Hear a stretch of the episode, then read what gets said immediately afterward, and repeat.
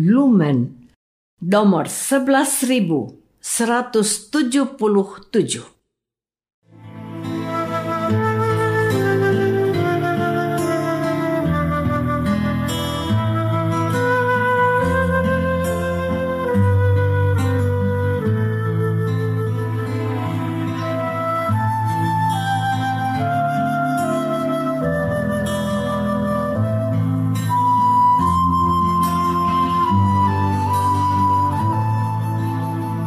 Saudara pendengar di segenap penjuru tanah air, selamat bergabung dengan Lumen Indonesia. Lumen Indonesia siap melayani Anda setiap hari. Saudara terkasih, marilah kita bersatu dalam Tuhan kita Yesus Kristus yang tidak berubah dahulu, sekarang, dan selama-lamanya.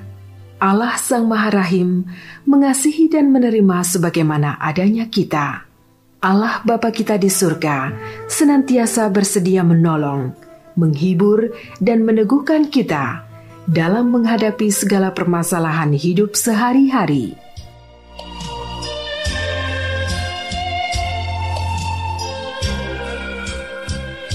Saudara-saudari, marilah kita mendengarkan renungan dengan judul Tetap Tekun Berbuat Kasih.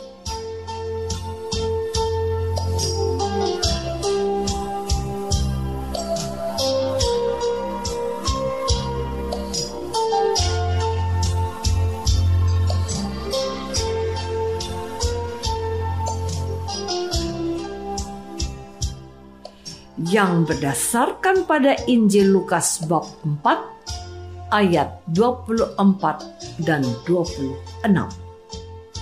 Tuhan Yesus bersabda, Aku berkata kepadamu, sesungguhnya tidak ada nabi yang dihargai di tempat asalnya. Mendengar hal itu, marahlah semua orang yang di rumah ibadat itu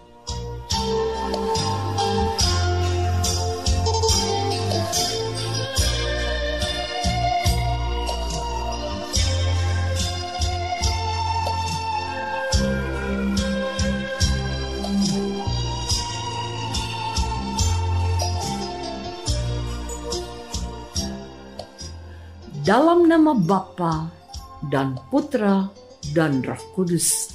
Amin. Saudara-saudari terkasih dalam nama Tuhan Yesus Kristus. Tuhan Yesus mengawali tugas perutusannya di kota asalnya, yaitu Nazaret yang di Galilea.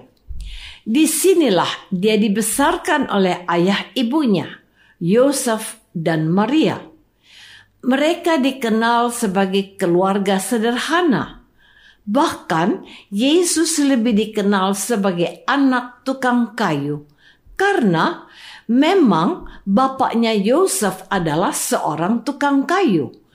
Pada sebuah kesempatan hari Sabat, Yesus tampil dan membaca dari kitab suci, lalu mengajar mereka. Katanya, "Pada hari ini genaplah nas ini sewaktu kamu mendengarnya.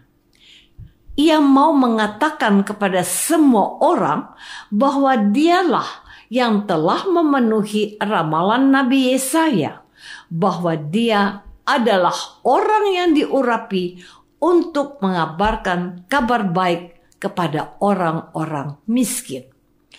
Orang-orang yang ada di situ mencibirnya dengan berkata, "Hai tabib, sembuhkanlah dirimu sendiri. Perbuatlah di sini juga, di tempat asalmu ini, segala yang kami dengar yang telah terjadi di Kapernaum." Saudara-saudari terkasih, mendengar sindiran itu Tuhan secara tegas mengatakan, Aku berkata kepadamu, sesungguhnya tidak ada nabi yang dihargai di tempat asalnya. Lalu ia mengingatkan mereka tentang apa yang telah pernah terjadi di masa lalu tentang bagaimana baik Elia maupun Elisa yang ada nabi Tuhan tapi ternyata Elia mendapat tempat justru pada seorang janda dari Sarfat dari Sidon yang bukan bangsa Yahudi dan Elisa hanya menyembuhkan Naaman yang menderita sakit kusta yang adalah bangsa Syria tetapi tidak kepada bangsa Israel. Para nabi telah mengalami apa yang sedang dialami oleh Yesus. Tuhan Yesus tidak heran kalau dia mengalami penolakan, bahkan di tempat asalnya sendiri. Teguran Tuhan Yesus bukannya membuat mereka sadar akan kesalahannya, melainkan mereka menjadi sangat marah pada Yesus. Mereka bangun, lalu menghalau Yesus keluar kota dan membawa dia ke tebing gunung tempat kota itu terletak untuk melemparkan dia dari tebing itu. Hal yang menarik dicatat Lukas dengan tanpa penjelasan. Yesus lolos dari niat jahat mereka. Saudara-saudari terkasih, ada dua hal yang ingin aku katakan kepadamu hari ini. Tuhan Yesus sebagai nabi di atas segala nabi telah memenuhi ramalan Nabi Yesaya ditolak oleh warga tempat asalnya gara-gara tidak membuat mujizat sebagaimana dikerjakannya di Kapernaum. Tuhan Yesus juga dibenci oleh mereka yang marah besar karena dia mengingatkan mereka akan apa yang telah pernah terjadi di masa lalu bahwa baik Nabi Elia maupun Elisa juga tidak mengadakan mujizat di Israel melainkan untuk seorang janda di Sidon dan seorang Naaman orang Syria. Kebencian itu tampaknya sudah sangat memuncak sehingga mereka ingin sekali membunuh Yesus dengan cara melemparkannya dari atas tebing sebuah gunung. Namun sayang sekali Yesus berjalan lewat dari tengah-tengah mereka, lalu pergi. Sebuah peristiwa dahsyat yang melepaskan Yesus dari rencana jahat mereka. Hal itu tidak mungkin akan terjadi jika Tuhan Yesus tidak memiliki kuasa yang hanya dimiliki oleh manusia biasa. Mereka yang menolak dan berusaha membunuh Yesus tidak bisa berbuat apa-apa pada Yesus, bahkan menyentuhnya saja tidak dapat. Tuhan Yesus itu bukan hanya sekedar seorang nabi, tetapi dia adalah Mesias yang diutus Allah. Dia itu anak Allah.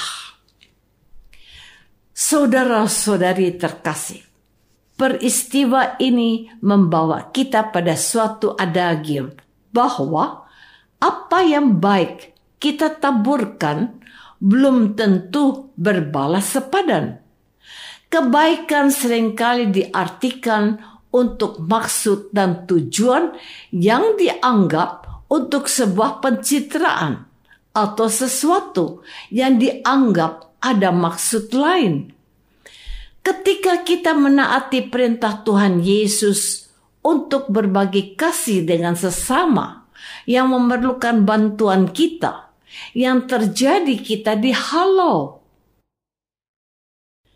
diusir karena dianggap sedang melakukan tindakan kristenisasi.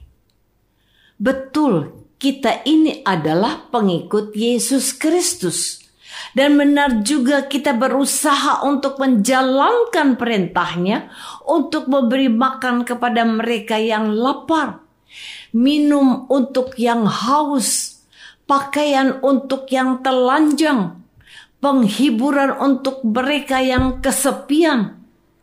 Tujuan Tuhan Yesus hanya satu, supaya kita tahu dan menyadari karena tindakan kasih yang kita perbuat untuk siapa pun yang kita sebut sebagai sesama, kita melakukan itu untuk Yesus sendiri yang hadir dalam diri mereka yang disebut Yesus sebagai salah seorang dari saudaraku yang hina ini. Tuhan Yesus diutus kepada semua orang agar mereka mengenal kabar baik dari Bapaknya. Kita pun diutus untuk melakukan hal yang sama, memberitakan kabar baik untuk si miskin, pembebasan untuk mereka yang tersesat, memberikan pencerahan kepada mereka yang masih berada dalam kegelapan. Tuhan mau mengingatkan kita agar kita tetap dan selalu harus berbuat baik dan melakukan perbuatan kasih sekalipun ada penolakan di mana-mana. Kalau kita setia, Dia pun akan setia pada kita.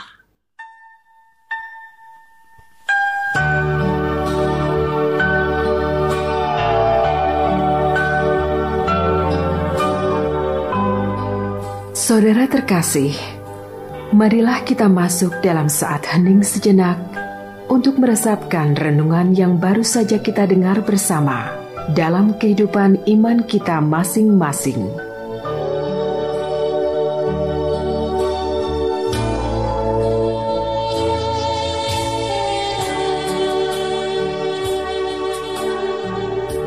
Apakah aku sebagai orang Kristen berani bersaksi atas kasih Allah bagi semua orang?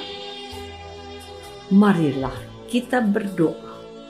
Bapa yang maha baik, Engkau selalu menyertai putramu, Tuhan kami, Yesus Kristus, untuk mewartakan kabar baik, yaitu kasihmu untuk semua orang bantulah kami untuk meneladan Dia dengan melakukan kebaikan seperti Yesus Kristus, Tuhan kami.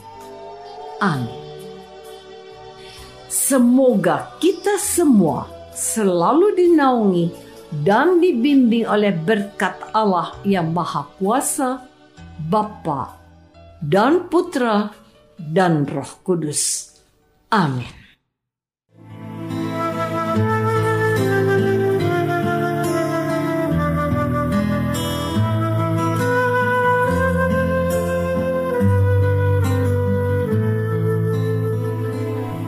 Dengan penuh kasih dan sukacita, Lumen Indonesia mengundang saudara-saudara seiman di segenap penjuru tanah air. Sekiranya ada tanggapan ataupun saran, kirimkan surat Anda ke Lumen Indonesia. Terima kasih atas perhatian Anda. Sampai berjumpa lagi dengan Lumen Indonesia pada waktu dan gelombang yang sama esok hari.